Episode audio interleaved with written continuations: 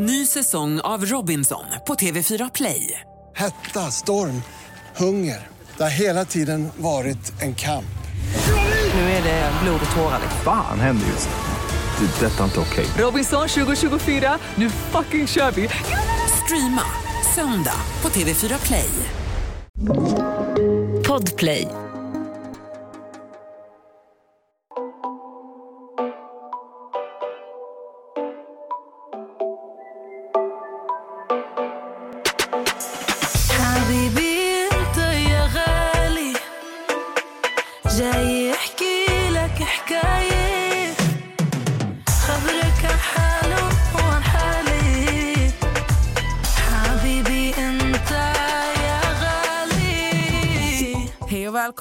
Välkomna till ett nytt avsnitt.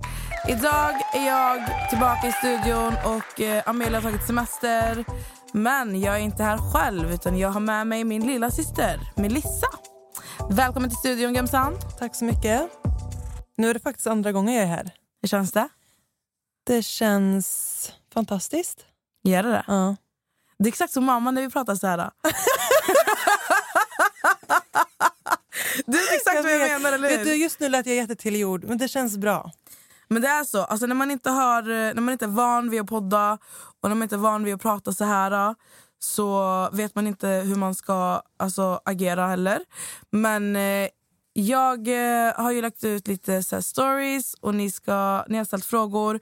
Hon ska här, sättas på heta stolen. Men ni är väldigt snälla mot henne märker jag och det är fan det är irriterande. Alltså. Är de det? Ja, de är tvärsnälla. Men innan vi börjar så vill jag eh, att folk ska lära, få lära känna dig. Vem är du? Vad gör du i livet? Vad, eh, berätta lite om dig själv. Vart bor du och eh, vad jobbar du med? Jag bor fortfarande i Skövde, Mm. än så länge. Jag ska flytta upp till storstaden alldeles snart.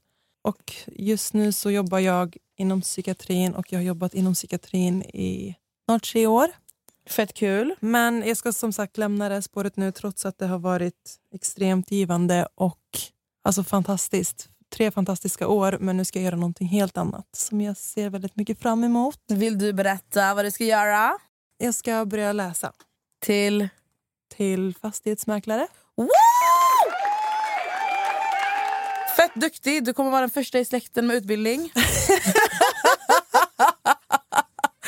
På gud. Det, det ska se till att klara utbildningen också. Ja, men det kommer du göra galant. Ja, men fett kul. Men eh, du pratar om att du jobbar inom psykiatrin och att det Ja. har varit tre givande år. Vad, kommer du, eller vad har du tagit med dig från, alltså, från att jobba med människor? För du har ju tidigare jobbat med bland annat på Volvo. Shoutout till Volvo, Jessica! Alltså shout out. Det var också tre fantastiska år där. Ja, Gud, var jag där i tre år? Nej. ja, jo. Jo, shit. Det var där Jag tvärlänge. jobbade ständig natt i tre år. Ja, gick in i väggen också. Ja, så in i helvete. Men eh, alltså, vi måste säga shoutout till Volvo, specifikt Volvo i Skövde. Alla våra bröder och systrar och våra älsklingar jobbar där. Vi dör för er. We do, faktiskt. Men ja, som sagt, det, det här är det första jobbet du har inom psykiatrin där du jobbar alltså, alltså med människor. Mm. Jag älskar ju att jobba med människor och nära människan. Och jag visste aldrig när jag började inom psykiatrin att ett jobb skulle ge mig så här mycket som psykiatrin har gjort. Men vad är det vad är det, det har gett dig? Utveckla. När man jobbar inom psykiatrin så jobbar du med människor med olika typer av problem. Allt från missbruk till svåra diagnoser till traumatiska uppväxter och allt därtill. Och jag känner att samtidigt som jag som personal har varit där och gett allt jag har kunnat för att hjälpa de här människorna så har de på något sätt också hjälpt mig för att det har varit det är väldigt, man får tillbaka väldigt mycket när man jobbar inom psykiatrin eh, och jobbar så nära människor. Känner du att du har alltså, vuxit i dig själv på ett annat sätt? Alltså definitivt. Och på ett sätt som jag aldrig trodde man kunde växa inom ett jobb. Och jag kommer absolut att sakna psykiatrin jätte- jättemycket. Men jag känner också att jag vill gå någonstans i livet där jag kan växa lite mer utan gränser och det är dit jag strävar efter att komma nu. Duktig du är, Gemsan. Thank you. Uh, alltså jag har ju också majoriteten av min tid i det här livet när jag har jobbat så har jag jobbat främst med människor. Och det som du säger, alltså, det är fett givande. Man, man tror inte det men man har ett större hjärta än vad man tror. Det har man faktiskt. Och man, alltså på något sätt upplever du också så att det är så små saker i vardagen som du inte tidigare har uppskattat. Men efter du har jobbat till exempel inom vården eller psykiatrin eller vart som helst att du börjar uppskatta små saker lite mer än vad du tidigare har gjort. Typ. Alltså definitivt. Det är någonting som jag varje dag faktiskt reflekterar över när jag åker hem från jobbet. Att det är så mycket som vi liksom tar för givet alltså i våra vardagar skulle jag säga. Mm. Eh, alltså allt från att bara liksom kunna känna att man mår bra. Jag tror att man vaknar varje dag och inte... Alltså man, det är ingenting man reflekterar över att det här är liksom någonting jag är tacksam för varje dag. Men när man får gå till ett jobb där man får möta så mycket, ja, men så mycket mörker så tror jag att man kan inse det på ett annat sätt under sin vardag. Mm. Men alltså, du jobbar ju inom psykiatrin där du jobbar med alltså, människor som, som lider av alltså, traumatiska händelser eller så här, de lider av missbruk. Eller det, det är någonting så här, där de, Mm. de har varit med om. Alltså, de flesta är inte födda med deras problem utan det har kommit alltså, under livets gång. Mm. Så hur... För jag har ju främst jobbat med människor som redan har varit sjuka eller med äldre människor. Alltså förstår du? Så Eller som har medföd, alltså medfödda med diagnoser. Exakt. Ja. Så, så, alltså man, man får ju ett annat tankesätt där. Men jag tänker, hur är det för dig att jobba med människor som du, som du möter varje dag? För jag, jag förstår ju också att när man jobbar på ett och samma ställe, träffar samma människor och har jobbat där i tre år, det blir ju som en familj på något sätt. Du får ju, man får ju ett hjärta för de här människorna. Hur är det för dig att Alltså är det svårt att lämna jobbet på jobbet och sen komma hem? Alltså, eller kommer du hem och tänker igen? Alltså, förstår du vad jag menar?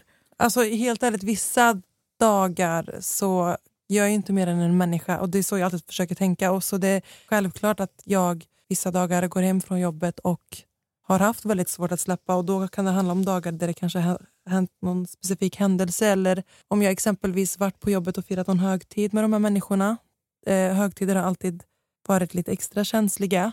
Men samtidigt så är jag ju en människa själv som har haft en alltså, rätt turbulent uppväxt skulle jag säga. Jag har liksom också eh, haft saker i mitt bagage som jag har fått växa ifrån och jag tror att det har liksom gett mig en styrka till att kunna jag har liksom kunnat ta med mig av den styrkan som jag har fått av mina livserfarenheter och kan, kan därför hantera människor som har det svårt. Alltså vi har ju det gemensamt. Eller så här, jag, vi har inte gått igenom exakt samma saker för även fast vi är systrar så är vi också två helt olika människor.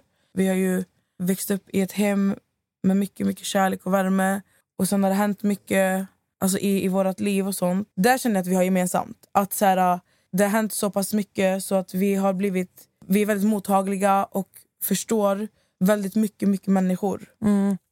Ja, för om man tänker efter, alltså nu när jag kommer att tänka på det, både jag, du och Nicole har ju alltid varit den i våra vänskapsgrupper som folk har haft väldigt lätt att kunna liksom luta sig mot våra axlar, öppna upp sig för oss och jag tror att vi har byggt en sån styrka och varit tvungna att bli vuxna så snabba i vår barndom och jag tror att det är väldigt lätt att känna av det i våra omgivningar. Det tror jag också, men jag tror att vi har fått eh, från alltså, mamma. För att mamma har ju alltid varit, alltså, om du tänker efter, från att vi var barn, alltså Baba också, när han levde. Mm. Att det var alltid folk kom, alltså folk kommer ju till Baba och kommer fortfarande än idag till mamma. När Med sina vill- problem. med sina problem. Alltså ja, Vi har ju suttit där alltså, alltid. och överhört alltså, asmycket.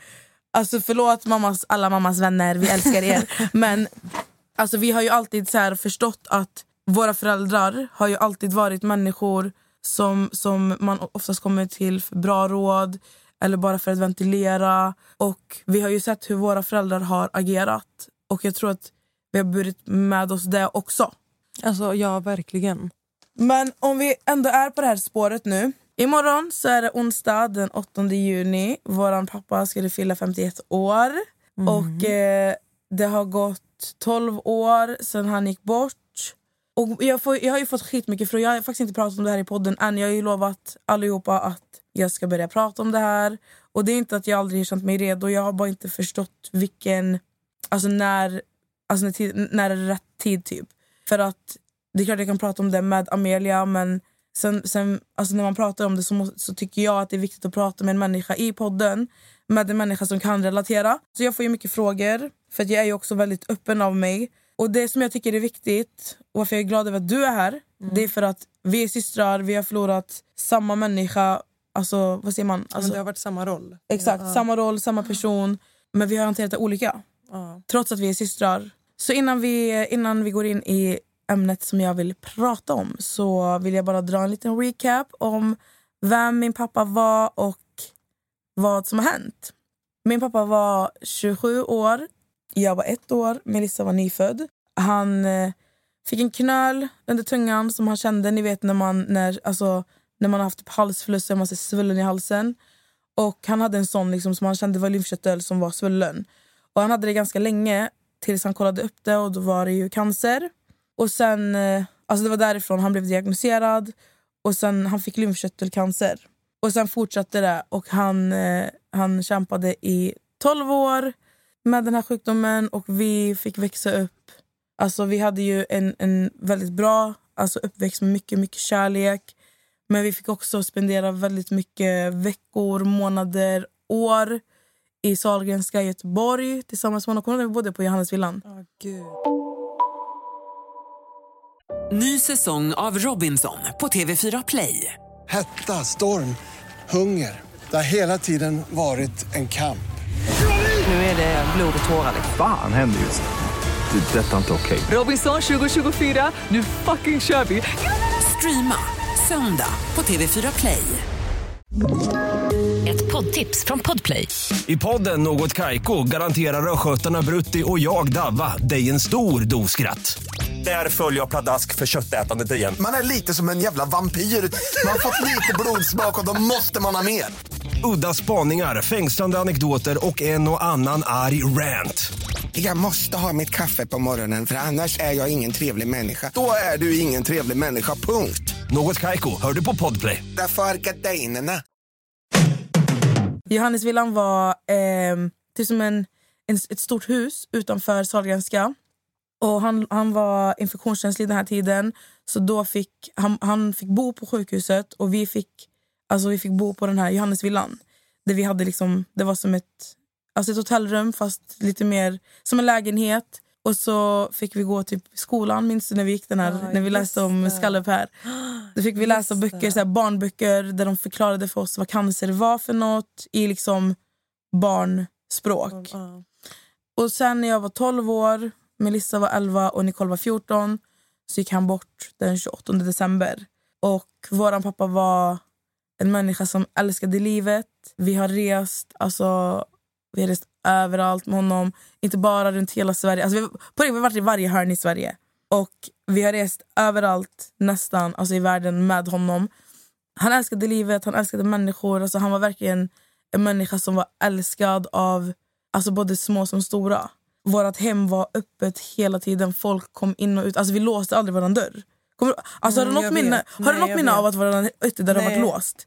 Alltså det, här- det är helt sjukt. Alltså aldrig. Och Det är ju också det här som definierar hans styrka. För att trots att han levde ett liv där det var cancer, det var behandlingar, det var allt, alltså det mest traumatiska som man kan uppleva i en sjukdom, eh, så ville han ändå se till att vi som hans döttrar skulle få uppleva det vackraste i livet trots det han gick igenom. Så Mm. han, han, jag minns att han hade sagt till läkarna att låt mig bara göra den här resan med min familj innan jag börjar med den här behandlingen och låt mig bara kunna åka dit. Och, alltså, han drev sina företag, han tog oss jorden runt, han skapade minnen med oss varje dag samtidigt som han hade en dödlig sjukdom och visste att han inte liksom skulle leva Länge till. länge till.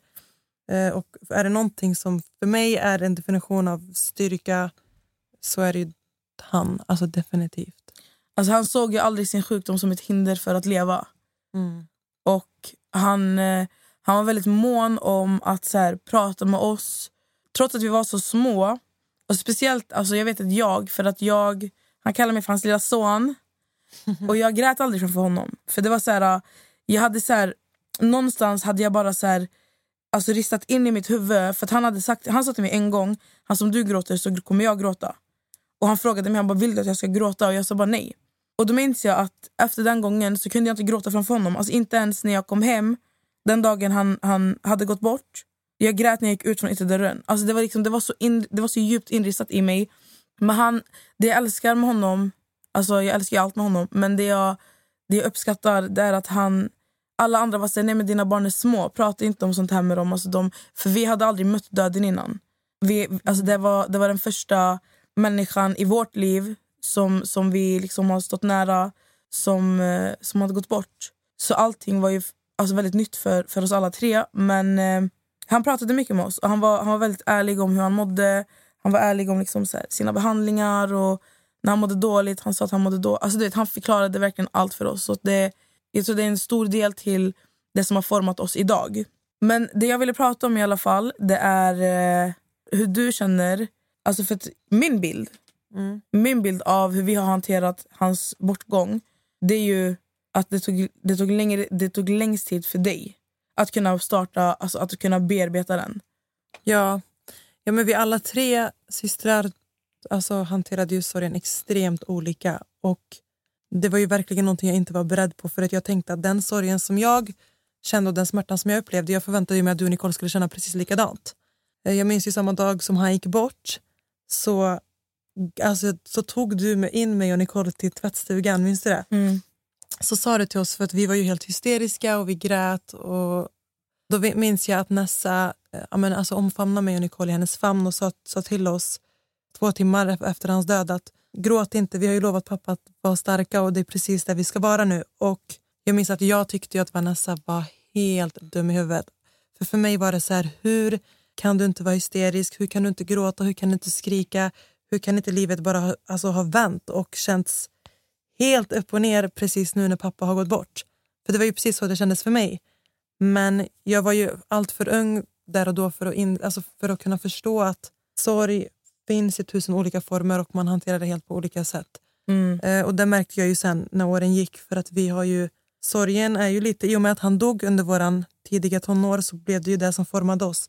Vem vi sen har blivit som, ja, som vuxna kvinnor och det är också, ja, det är ju det jag har märkt att det har blivit väldigt olika och vi tre är ju väldigt olika. Vad gjorde du för att bearbeta hans bortgång? Hur gick din resa till? Alltså från den dagen han gick bort till idag? Alltså till idag, det har varit en berg och dalbana och det låter lite, ja men det här med att tiden läker alla sår. Jag har liksom aldrig tagit det där citatet och tänkt att det riktigt har stämt utan för mig har det bara handlat om att det enda tiden har gjort med mig är att ha lärt mig, alltså har lärt mig att acceptera att pappa faktiskt har gått bort. För att det var ju det svåraste för mig i början. Jag vägrade acceptera det. För mig att han var död. Jag minns till och med dagen han skulle begravas. Jag, ni fick ju släpa mig dit för att jag kände att vad ska jag göra alltså, på hans begravning? Han är inte borta. Och likaså när gravstenen kom upp och när vi skulle börja besöka hans gravsten. Jag, det gick inte att acceptera eh, att han var borta. Eh, och jag minns att första året efter hans bortgång så låste jag in mig väldigt mycket. Jag ville inte träffa människor. Jag var, det var liksom ett år av ett extremt mörkt år för mig. Sen minns jag att jag fick en extremt rebellisk period efter det. Vilket också är vanligt i samband med sorg. Om man förlorar en förälder eller någon närstående som ung.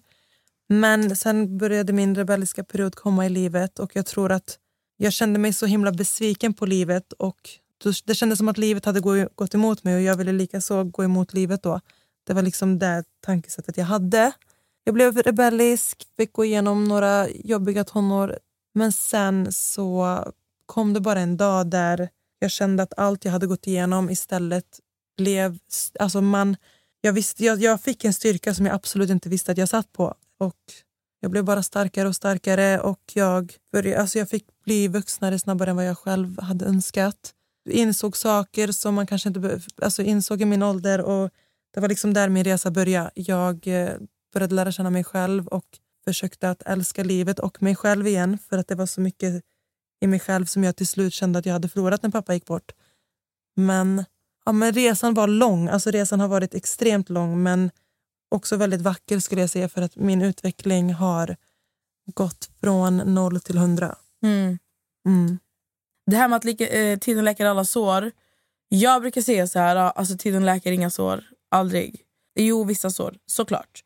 Men jag brukar säga när folk skriver till mig när de har varit med om så här, såna grejer så brukar jag bara säga alltså, det här är ett sår som kommer vara öppet men du kommer lära dig plåstra om det. Mm. Och det, det är sanningen. För att jag minns också alltså, när han gick bort att folk var så här det kommer gå bättre, alltså, ge det bara lite tid och tiden läker alla sår. Bla, bla, bla. Men jag minns bara att det enda jag tänkte på när jag pratade med människor då det var så här alltså du förstår inte mig. Ja. Alltså du förstår inte. Sant. Så att jag slutade ju prata. Men min grej, alltså skillnaden mellan mig och dig Melissa har ju varit att jag alltid har kunnat prata om honom. Jag, eller så här, jag, ser inte, jag ser inte att du inte har kunnat göra det.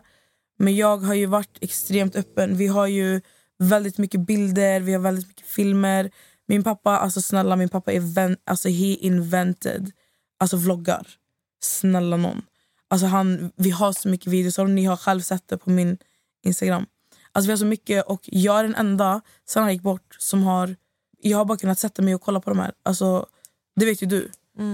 Flera gånger alltså, när vi har, alltså, när, efter hans bortgång så när jag, så fort jag sätter på en film på honom så kunde Melissa bara ställa sig upp och gå därifrån. Ja, men det handlar ju om precis det jag nämnde, att det här med att jag vägrade acceptera att han var borta. Ja, ja, men jag vet. Ja. Men det är, så här, det, det är det som alltså, det skillnaden liksom, fattar du på oss. Ja. Jag, jag kunde sitta där i flera timmar och sträckkolla, alltså bara skratta åt hans skämt. Mm. Men för mig har det ju varit att de här filmerna och alla bilder det har ju fått mig eller det har ju fått mig att känna att han fortfarande är levande. Mm. Och för mig, alltså att när jag började bearbeta hans bortgång, jag blev ju rebellisk direkt. Ganska direkt därefter. För jag bara kände alltså... alltså det enda jag tänkte på när jag gick runt, alltså jag var 12 år snälla, jag, var, alltså jag blev 13, tre månader efter. Jag var bara såhär, alltså varför ska jag leva om jag inte kommer dö? Jag minns att vi hade nationella prov, jag bara rev provet framför min lärare. Jag bara, jag kommer ändå dö. Varför ska jag göra det här? Och jag började, alltså jag började skita i skolan för att jag, jag såg liksom ingen... Jag kunde inte se fem år fram, för jag var så jag kommer dö. För att jag, alltså jag hörde ju alltid hur min mamma och pappa hade så framtidsplaner. Och jag visste att de, de hade så mycket drömmar och mål tillsammans. Och så gick han bort när han var 38 år. Alltså bara 38 år. Alltså för mig då, det blir ju så här... Eller som ett barn. Jag vet inte alltså hur, man, hur man ska hålla, alltså styra sina tankar riktigt. Det, alltså, jag tror inte någon hade kunnat göra det i den åldern. Men jag började också bearbeta hans bortgång väldigt snabbt. För att jag bara kände att alltså, han är inte, alltså, jag, jag har aldrig känt alltså, att han är gone, gone. Jag känner ju att han, alltså, hans själ lever ju vidare och jag vill alltså, vara mottaglig för att känna hans närvaro. Men för mig var det också, alltså, min räddning var ju Nicole, min stora syster, vår stora syster. Hon tog mig till kyrkan. För jag blev också väldigt, alltså, jag blev väldigt anti min religion och min tro och alla, alla religioner egentligen. För jag var så här, äh, alltså ni vet, den vanliga frågan man brukar ställa sig själv det är så här, varför ska det här hända honom om en gud finns? Och det var ju lite den tanken jag gick runt med men eh, när Nicole tog mig till kyrkan så började jag känna alltså, en trygghet där och det var där min resa började med, och jag tror att jag var 14. Så det var, för det var typ nå- alltså, två år efter, eller sen något, ett och ett halvt år efter hans bortgång. Det var där min resa började med att alltså, bearbeta hans bortgång. För att jag kände också, alltså antingen så dör jag nu eller så får jag ta det här och bara vända det till någonting. Och grejen är så här, jag vet att min pappa när han fick sin diagnos, vi var ju så pass små, vi var ju bara barn. Jag vet att han sa till mamma att det enda, alltså hans största önskan i livet är att se oss växa upp. Och någonstans så känner jag, eller jag kände och känner än idag att jag är så, så tacksam över alltså, hans envishet och hans styrka. För att hade inte han kämpat i 12 år mot elakartad cancer så hade vi nog inte kunnat sitta här idag och prata om vem han var och hur han var. Så det var mycket den, alltså det tankestället jag fick istället. Att så här, han skulle lika bra kunnat gå bort när jag var ett år. Men då hade inte jag, alltså då hade inte jag haft någon aning om vem min pappa var. Jag hade inte fått lära känna honom, jag hade fått höra om honom men inte... Förstår ni vad jag menar? Alltså, förstår ni min tanke? Så att jag, jag vände lite på, på det tankesättet. Och min resa började ju typ, alltså med det här med att bearbeta hans bortgång. Det var ju typ när jag var 14, 15. Och sen, eh, sen har det bara format mig precis som det har format dig. Och som ni hör på oss så är det ju två helt, helt olika processer. Trots att det är samma människa. Vi, alltså vi har ju alltid haft varandra som stöd. Men sen har också jag har känt flera gånger när jag har försökt prata med min mamma eller någon av mina systrar. Jag har känt flera gånger att så här, de förstår inte mig. Och jag kan tänka mig att ni har känt likadant. Alltså att man, man känner, alltså, någon gång så känner man att vi förstår inte varandra. Även fast det är lika, lika stor kärlek för, för den personen, alltså för vår pappa. Mm. Så, så är inte, alltså, vi förstår inte alltid varandra. Nej. Och det tror jag inte någon gör. Alltså i, det är därför nu många av er har skrivit till mig om, om alltså, att ni har förlorat någon och, eller det, någonting. Så har jag ibland bett, bett er skriva till min lilla syster och det är ju för att många av er agerar som Melissa gjorde. Det här med att låsa in sig själv och bli alltså väldigt... Eh, alltså, att man får, du utvecklade ju någon form av social fobi, bland annat. Mm. Alltså, ja, i den åldern. Men vi sitter här idag, vi älskar livet och vi uppskattar...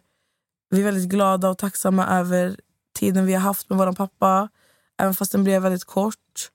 Så att vi, jag, jag tänker bara säga att vi är levande bevis på att även fast man tror att allting bara fallerar och att man ska dö så klarar man sig. Ja, och med det sagt så vill jag ju säga till alla att vad man än går igenom idag, det behöver inte handla om att man förlorar en förälder. Men vad för traumatisk upplevelse eller jobbig händelse som man går igenom eller om man går igenom någonting just nu så alltså bara tänk på att du kommer att få en styrka som du själv inte är medveten om att du faktiskt besitter. Och, alltså hade jag hört de här orden när jag var 11 år och förlorade min pappa så hade jag aldrig förstått eller velat tro på det men jag lovar att så är det faktiskt. Ja, alltså det, så är det på något konstigt sätt. Så löser sig allting till slut. Sen har man dagar, alltså jag ska inte sitta här och säga att allting alltså blir perfekt. För att allting är inte perfekt än idag. Vi är två vuxna kvinnor. Alltså, det har gått flera år sedan han gick bort. Han har varit borta nästan halva mitt liv nu. Men och än, alltså, än idag kan jag, liksom, jag kan vakna upp vissa dagar och bara må alltså, så dåligt och bara stänga in mig själv. Alltså, det finns dagar där du kommer känna extra mycket. Precis som med allt annat i det här livet. Men det viktiga är att... Ja, för mig, jag, jag vill bara säga alltså, från mitt håll. Jag tycker att det viktigaste av allt är att påminna sig själv om att man, man, alltså, man glömmer bort att vara tacksam. Den här tacksamheten är att, så här, att du har fått den här tiden med den här människan. Och det behöver, nu behöver vi inte prata om någon som har gått bort. Vi kan prata om en människa som du inte pratar med idag. En människa som fortfarande är vid liv men som du inte har någon relation till, som du har varit jättenära. Alltså, ibland får man bara vara tacksam för att man har, man har få- fått möta den här människan, lära sig från den på gott och ont och sen bara leva vidare. För att helt ärligt, livet går vidare. Och allting, allting du går igenom som är jobbigt, det kommer forma dig. Mm. Är det inte så? Jo, så är det. Och ehm, ja, imorgon blir han 51 år, eller han skulle blivit 51 år. Förra året var det 50. Så han hade fortfarande, fortfarande varit en ung och jävligt snygg farsa men eh, han är en snygg ängel nu. Det är han faktiskt. Ett poddtips från Podplay. I podden Något Kaiko garanterar östgötarna Brutti och jag, Davva, dig en stor dos skratt. Där följer jag pladask för köttätandet igen. Man är lite som en jävla vampyr. Man har fått lite blodsmak och då måste man ha mer. Udda spaningar, fängslande anekdoter och en och annan arg rant. Jag måste ha mitt kaffe på morgonen för annars är jag ingen trevlig människa. Då är du ingen trevlig människa, punkt. Något Kaiko, hör du på Podplay. Därför är gardinerna. ja, hörni, det var inte meningen att det skulle bli så här djupt men jag vet att det är uppskattat. Och det är fan första gången vi, alltså, jag pratar öppet om min pappa Sara på, i podden. Eh, det är fett kul att göra det med min lilla syster men nu ska vi göra något roligt hörni. Och vi ska faktiskt läsa upp era frågor som Melissa ska få svara på. Alla? Jajamän. Jaså? Alltså Melissa, min podd heter Vi avslöjar allt. Vad menar du? Ja. Jag fick ju inte ens veta vad det var för frågor innan Nej. trots att jag ville det. Okej, vi, jag har ju sagt till er allihopa att jag ska sätta henne i heta stolen. Heta jävla stolen. Så nu Melissa, du får inte banga. Nej, Okej? jag ska försöka. En känd svensk profil som har slagit in i din DM. Okej, du väntar den allihopa om du kan ta en. En känd... eh, Hon bara alla. Vi har en, vi har en åskådare här också, vår kusin sitter här i bakgrunden. Shoutout. Shoutout, shoutout till, eh, till guldgruvan där bak. ja, riktig jävla guldgruva. Ja men jalla, nu får du svara. Men gud, jag vet inte vem jag ska nämna. En känd svensk profil. Mm. Okej, jag vet inte riktigt vilket namn jag alltså, kan tänka mig att outa. Men i och med att du är Ex on PO spoiler så kan jag ju faktiskt outa att det är en del från Ex on the beach och Paradise Hotel som har befunnit sig där. Och jag vet ju om det såklart. Ja. Så att ni kan hålla era snablar innanför byxorna för att henne kommer ni fan inte åt. Skojar. Vad är det bästa och det värsta med Nessa? Alltså gud, det bästa Börja med det värsta. Det värsta? Okej, det värsta är nog din envishet. För att ibland, alltså det finns ingen människa på jorden som kan göra mig så irriterad som du. Men att jag också kan, alltså så här, att den här irritationen bildas, det är också av kärlek. Det är för att så här, jag bryr mig om dig så mycket och jag är ju så himla mån om dig och alla dina val och allt du gör i livet. Men det är nog din envishet för att du har ju, ja, den är ju extremt stark och den gör mig så jävla galen ibland. Jag är stenhuvud med andra ord. Ja. Okej, vad är det bästa?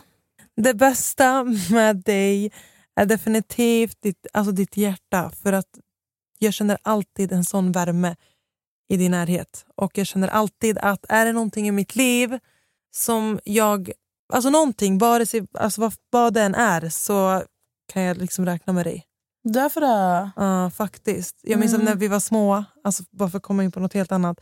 Vanessa var ju den stora systern som... Minns du när du hängde en av mina klasskompisar, en killkompis som var, en lite, som var kär i mig, du hängde han i en krok. Hon har alltid varit så himla överbeskyddande när det kommer till mig. Och, Mm. Men det har alltid varit så här, vi båda har varit så himla överbeskyddande när det kommer till varandra och jag tror att det är det jag älskar mest med vår relation. Alltså då var det ju jag som tog tag i grejer men idag, Idag är det ni ska ju bara tvärtom. veta vem det är som slåss på krogen. Det är ju fan inte jag kan jag tala om för er. på krogen. Habibi vi kan vara ärliga här alltså. Pojke. Nej. Alltså du behöver Alltså nej. inte slåss Men du på nej. krogen, absolut Du inte. slåss inte, du är inte, du är inte Men- en GB än. Men, eh, Nej absolut inte men att jag kan, alltså, att jag Att du kan slåss, står ja. upp för allt och alla jag älskar, absolut. Att du kan jag slåss, ja det kan du verkligen. Ja. Har du gjort några operationer? Jag har aldrig gjort några operationer men jag har gjort ett extremt dumt val. När jag var, hur gammal är man när man tar studenten? Du var 18 När gammal. jag var 18 år och skulle ta studenten. För att då fick jag för mig att jag ville göra mina läppar, vilket absolut inte är fel, jag vill bara poängtera det. Men för mig blev det en extremt traumatisk upplevelse för att jag, Alltså du såg hemsk ut. jag vet, fick en infektion som gjorde att jag såg alltså, extremt konstig ut. Och jag ångrade hela min alltså, fillersresa och att jag ens liksom, la en nål i läpparna. Så jag fick ju åka till Jönköping en vecka efter studenten och träffa en läkare som fick ta ut all min fillers i läpparna. Och, alltså hela den här resan och allt, det var bara ett jävla trauma och jag kommer aldrig att göra om det där. Faktiskt, alltså hennes läppar var blåa på studenten. Alltså de var Nej alltså de var fan blåa. fruktansvärda. Alltså jag får ångestattack när jag tänker på det. Ja men vi ska tänka på det. Det är en som skriver här, nämn din favorit i ditt liv. Favoritmänniska? Mm. Alltså är det någonting jag absolut inte kan göra är att nämna en favoritmänniska. För att är det någonting jag har, är det någonting jag är så är det att jag är omringad av så fantastiska människor. Jag kan nämna en favorit. Jag har många, nej jag kan inte, speciellt nu när. Kikko sitter där. För det var Robin som skrev det. Var det det? Ja det är Robin. Med caps lock Kolla, alltså, kolla. Robin, jag vet att du hör det här. Du är faktiskt en av mina favoritmänniskor på jorden. Alltså faktiskt, varje gång det är någonting i mitt liv som händer, alltså Nicole och Melissa alltid så här, alltså de nämner alltid Robin.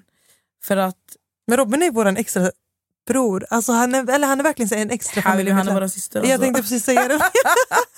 ja, just man kanske får men han är verkligen nu. så här, Man kanske får ett sms nu. Ja. Nej men Robin är verkligen, alltså Robin är, ja, Han är vår prinsessa. ja han är verkligen vår prinsessa. Har du lärt dig något av Nessa? I så fall vad? Gärna. Alltså gärna något bra nu gumman. Jag har, ja faktiskt. Alltså är det någonting jag har lärt mig av Nessa är det att, för att du har alltid varit en människa som skiter i vad alla tycker och tänker och jag har ju varit helt tvärtom. Jag har alltid varit väldigt försiktig med min approach.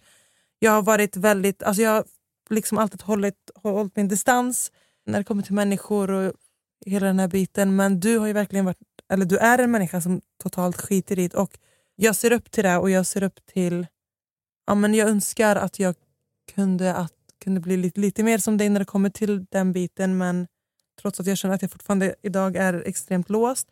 Men ja, det är där jag lär mig och har lärt mig under de här åren. Faktiskt. Berätta en rolig sak om dig och Nessa som, som ni gjort tillsammans. Alltså gud, jag och Vanessa har gjort för mycket roliga saker Alltså jag och Melissa, vi är de systrarna av Nicole och jag och Melissa som gör alla fucking dumheter ihop. Och så har det ju varit sedan barnsben. Alltså jag Men berätta en Vanessa- rolig grej. Men jag kan inte komma på en sak. Jo, berätta Alltså, en sak. Jag kommer verkligen inte på en sak. Jag tänker på alla våra liksom, utomlandsresor när vi alltid har fått för oss att så här, vi ska jävlas med allt Kommer och du, alla. ihåg, kommer du ihåg första gången vi åkte till USA? När jag träffade han där, vad hette han? Vad fan Vem? hette han? Will. Och så gömde jag mig och jag, mamma visste inte att jag rökte cigg. och så, och du, var, du var min täckmantel. Jag bara, Melissa kom vi gå dit. Minns du inte jag stod och rökte med honom? Alltså, säkert. Det är det minns inte. Nej, men jag har världens sämsta minne, det vet du. Mm. Det är därför jag har svårt att kunna alltså, ta upp en sak men jag vet bara att vi har haft jävligt roligt ihop. i- Alltså det har vi faktiskt. Det är en Ja. som frågar, hur får man bättre självförtroende? Alltså hur man får bättre, själv, bättre självförtroende det är faktiskt att helt och hållet bara så här, lägg all din energi och all ditt fokus på att försöka älska dig själv istället för att tänka på vad folk tycker och tänker om dig. Samma sak som jag vet att det finns extremt mycket människor idag som vänder sig till en partner eller till vänner eller vad som för att få en slags bekräftelse eller en slags trygghet i livet. För mig, jag har alltid sagt det till alla människor i min omgivning att om inte du kan vara trygg i dig själv, om inte du kan älska dig själv så kommer du aldrig att kunna liksom älska en annan människa. Jag tror bara att det är viktigt att så här, all den här energin som du alltid vill lägga på allt och alla, lägg den på dig själv, bygg upp ditt självförtroende. Alltså gör precis det som kommer få dig att må bra. Är det så att du vill gå till gymmet och köra, gå till gymmet, kör. Är det så att du vill gå och operera dina bröst, gå och operera dina bröst. Gör det som får dig att må bra. Det är det jag skulle säga. Jag skulle bara säga skit i vad folk tycker och tänker och lägg allt ditt fokus på att stå framför spegeln. Och De här kärleksförklaringarna och kärleksorden du säger till dina vänner och till alla andra runt omkring om hur fina de är, hur mycket du älskar dem. Säg det till dig själv först och sen säg det till andra. Okej Melissa. Står Melissa närmast dig eller Nicole? Jag står faktiskt närmast båda två fast på helt olika sätt. Fake. Nej, alltså jag och Nicole har... Alltså jag står faktiskt helt ärligt är nära båda två men på helt olika sätt. Det var ju som du nämnde tidigare att jag och du har ju... Vi delar ju det här rebelliska ihop. Trots att vi vet att vi har varandras... Alltså, du får mig att låta som the bad sister. Alltså. Nej men vi är På ju Gud, lite the bad Gabriella sisters tillsamm- tillsammans. Gabriella Nej, Petronella. Tillsammans blir vi the bad sisters. Men vi är också så här, en extremt djup sida. Vi, jag och Vanessa vet att vad som än händer i livet, alltså i slutet av dagen, vi har varandras ryggar alltså till 100%.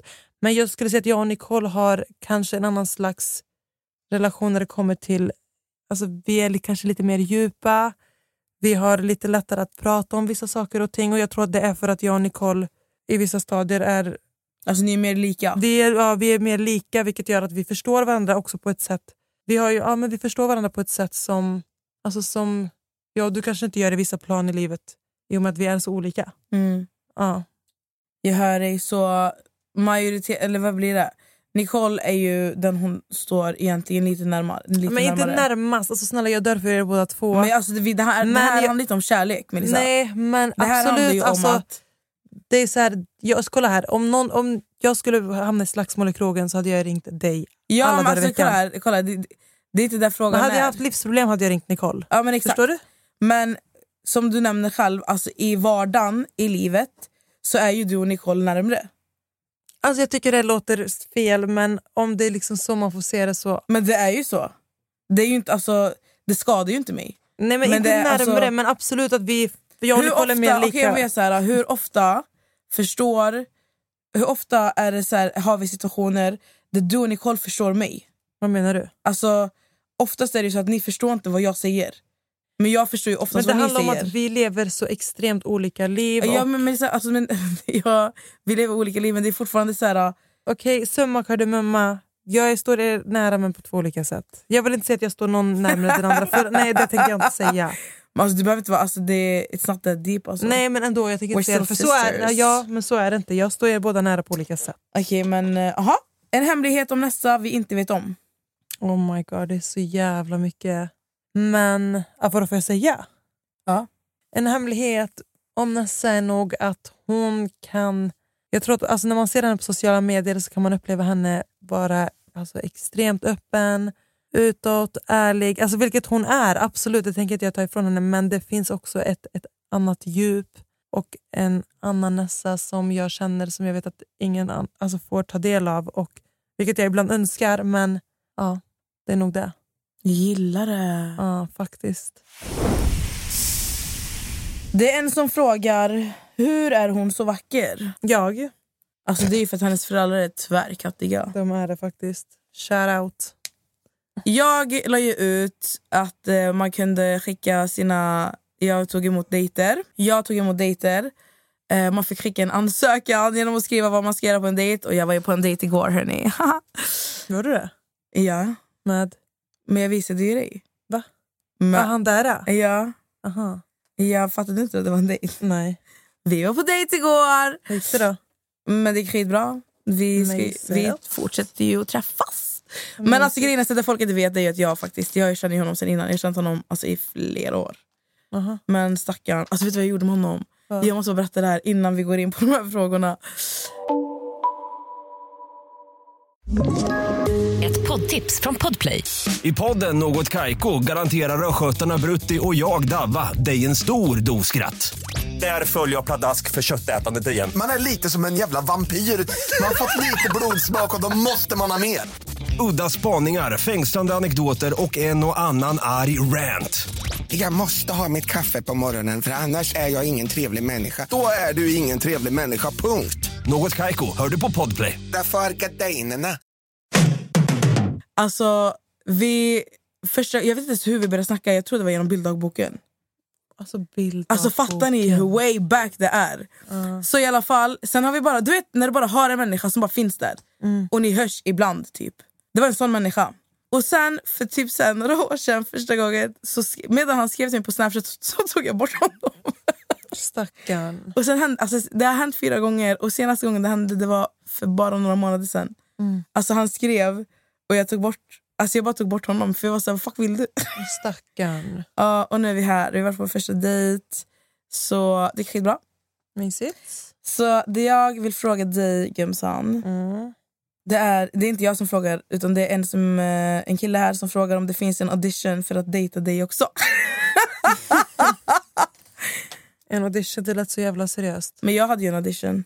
Uh, jag har inga auditions. Men hur, för det är skitmånga som frågar hur, alltså hur kan man få dig på fall? Nej, Alltså, ja, det, jag- faktiskt, det är faktiskt en fråga här. Mm. Hur får man henne på fall, vackraste jag sett? Alltså först och främst tack. Alltså jag skulle, skulle säga att det är extremt svårt för mig att ens få ett intresse av en kille. Och om det skulle ske att någonting skulle kännas intressant så är det i så fall att det skulle ske så här per automatik när man är ute. Om jag liksom känner att jag vibar med någon ute eller att det kan liksom inte ske genom att man slänger iväg ett meddelande på Instagram och jag knappt vet vem du är, jag vet inte hur du ser ut. Alltså, Jag- Tycker inte du att det bästa, sättet, alltså, det bästa sättet att träffa människa på... Jag tycker inte att det är alltså, ut och festa, utan jag tänker vänners vänner. Speciellt när man är i en miljö... Alltså till exempel vi säger bara vi ska gå på en MC-rush, eller så här, vi ska åka, inte, alltså, utan typ en Max-rush, vi ska gå och sätta oss på Max. Så kommer in en, en killkompis med alla hans grabbar som sitter och går... Ah! Är det inte nice? Alltså jag, jag lovar, jag, vet, jag har inte reflekterat över det. För att jag, ja, jag har inte reflekterat över det så, men ja. Okej, så det går inte att haffa det Jenny? Alltså, Det är basically det du säger. det är inte det jag säger. Det är exakt det du Det säger. jag säger bara är att det är väldigt svårt för mig. att Jag har redan extremt svårt att kunna alltså, finna, ett, finna ett intresse. Och Okej, men hur haffar man dig då? Om någon verkligen, verkligen, verkligen, verkligen vill ha dig, vad ska Alltså han om göra? någon hämta dig verkligen vill ha mig så får han... Hämta dig med en helikopter. Nej, han får, han får skriva till mig så får jag se. Om det känns Okej alla grabbar, så ni vet, det är bara att skriva till Melissa. Men ni ska gå igenom mig först. Skoja. Det är en som skriver, vad är din killsmak? Min killsmak? Jag har faktiskt ingen killsmak. Och det, Det där, har du fan inte. Jag det har, måste jag. Jag har Du har fan ingen killsmak. killsmak. Alltså, du, hon här det är en allätare. Nej men lägg av. Men du, du är ju Nej det. men jag har ingen jag är också en killsmak. allätare.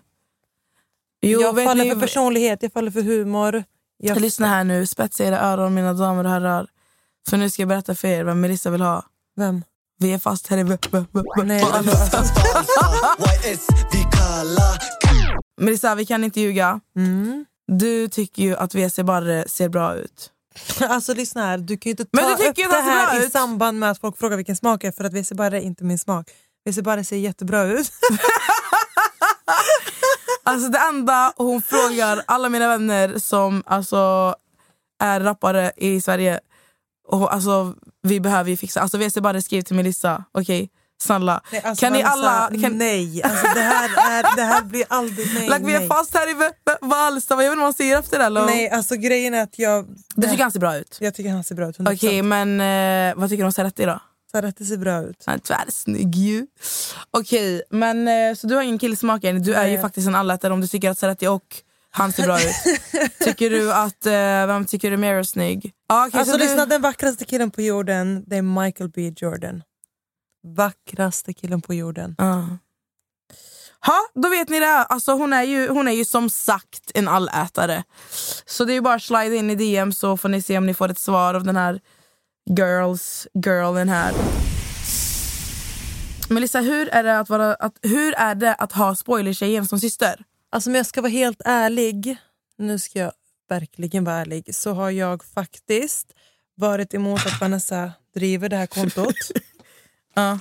jag, jag vet inte, jag har bara känt att alltså den approachen som ibland kan speglas utåt och den, ja, men det dramat som kan alltså, röra sig runt det här kontot inte faktiskt har speglat vem det hjärtat Vanessa faktiskt har och den människan hon är vilket har fått mig att jag vet inte, jag har bara känt mig som en överbeskyddande lilla syster som har känt att så här, jag vet inte vad jag tycker om att min syster driver ett så stort konto. Eh, jag vet att det är mycket skit där på sociala medier. Det cirkulerar alltså extremt mycket all möjlig skit. Men jag ärligt, jag tycker det är tvärnice. Nu tycker du det är Nej, nice. alltså grejen är så här. Jo, nej, jo. nej jag ska, jag kan, du kan inte ställa min fråga och sen fucking be mig... Habib, alla gratis grejer du får då? Ja, nej absolut inte. Alltså, grejen är så här. Jag, det som gör dig lycklig Vanessa kommer göra mig lycklig, absolut. Men är jag ett fan av att du driver ett stort konto eh, där du syns alltså, nästan över hela Sverige? Nej, alltså så här, jag, jag, jag är inte det. Tyvärr. Och Det vet du om och det, egentligen så vet alla i vår närhet om det här. Men som sagt, alltså, allt du gör, vare sig det är ett, driva ett stort konto eller om det är så att du vill liksom gå och epa ute i stan, det är så jag kommer supporta dig vad du än vill göra. Men, nej men alltså så här, Melissa har haft väldigt, alltså, du har haft delade åsikter i att jag driver ett sånt stort konto. Ja. Och ehm, i början var jag ju extremt vulgär och eh, jag har ju blivit mer mottaglig för kritiken och alltså när du alltså om du säger till mig att ta bort någonting för du tycker inte att det är lämpligt. Jag var ju inte sån innan, jag sket ju i. Mm. Jag vet. För jag vet att de flesta alltså, i min omgivning har ju inte förstått, alltså inte ens jag själv, än idag. Alltså man förstår ju inte hur stort kontot är. Mm. Men eh, när insåg du att så här, shit det här är ändå fucking stort alltså? Jag tror att jag insåg det rätt snabbt. Alltså kontot faktiskt var större än vad man, än siffrorna man liksom ser på Instagram. För att jag började ju märka så att ja, men folk tyckte, tyckte att det var kul att komma fram till dig ute och prata om det här kontot. Och, Alltså det som hände idag, såg du henne? alltså, grejen är, jag, var helt, jag var inne i ett samtal så jag, jag såg inte precis vad som hände. Det var en skitgullig tjej i alla fall. Jag stod vid en parkering, vi mötte upp en vän i Södertälje. Och så, alltså det var typ en gränd. Alltså så här, det var en parkering och sen var det en gränd. Så att man kom liksom inte runt. Så bilen gjorde en U-sväng. Och så kom den tillbaka och den stannade. Och jag vet att jag stod så och stirrade på bilen med en ganska hemsk blick. Och då var det en tjej som hade dragit ner rutan och bara började skrika. Hon bara alltså jag dör för dig. Alltså såg du hon flög ut och bara tog en bild med mig? Jag hörde ju inte för jag hade ju musik i bilen och satt och, i ett samtal men jag såg att det var en tjej som liksom flög ut ur bilen. Ja. Jag, jag trodde att det var någon ni kände. Nej det var inte det alltså. Nej.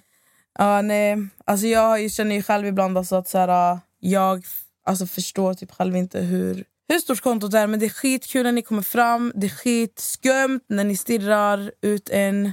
Och eh, ni som känner igen Melissa också, ni får jättegärna gå fram till henne också.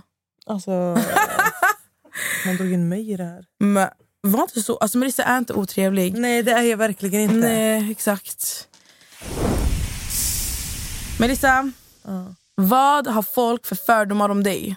Det undrar Tia. Det skulle nog vara att jag, i och med att min approach är att jag alltid är så försiktig med min approach och med att släppa in människor och sånt så kan det ju upplevas som att jag är dryg. Att jag kanske kan upplevas som kanske lite bitchy har jag fått höra. Jag, jag får ju alltid höra samma Att du är kommentar. fett otrevlig. Nej, men jag fick jag höra alltid- idag. Fick jag höra det idag? Jag sa till dig när du satt i bilen och var skitotrevlig så pratade min vän med, han pratade med sin men vän. jag förstod inte det för jag var inne i ett samtal Vanessa. Alltså min vän pratade med sin vän på Facetime och då sa han, han bara, är det hon som var så otrevlig? Jag bara, ja, va? Jag? Sen, eh, Har jag träffat honom och varit otrevlig? ja, Va? ja, och då sa jag, jag och Melissa kom ut, jag bara, för de pratade om att du är fett otrevlig. Det var så jag orkar inte nu. Men jag- så han bara, jag sa ju det. Men vart har jag träffat honom? Jag har ingen aning, men du träffade honom och det var tvärroligt. Alltså exakt, fördomar. Men, men det, är, alltså, det där är egentligen en fördom, det är ju vad du visar. Nej men jag är, alltså om inte jag känner en Du har en människa, väldigt hård yta. Ja, och om inte jag känner mig bekväm med en människa eller känner en människa så är inte jag den som... Jag kan vara jättesocial och så här, utåt så men jag är väldigt instängd ändå när det kommer till... Jag skulle liksom inte sitta och socialisera mig och prata om mitt liv med en människa.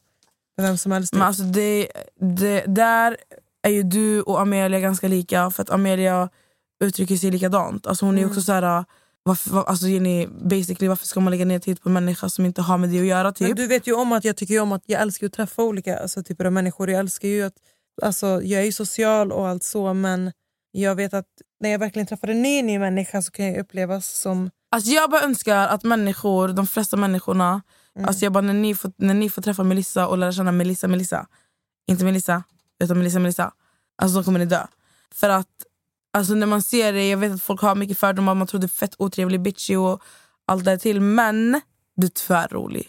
Det är jag faktiskt. Alltså du, så den sidan behöver du typ visa mer av tycker jag. Ja, men jag får ju alltid höra att så här, när folk lär känna mig att gud vad jag inte trodde att du var sån här utan jag trodde att du var hårdare eller jag, jag trodde att du var si och så. Men som sagt, jag blamear inte dem för att det är, så här, det är kanske den approachen jag kan visa utåt i och med att jag är lite instängd av mig men det handlar bara om att jag inte liksom känner mig jättebekväm i att Mm.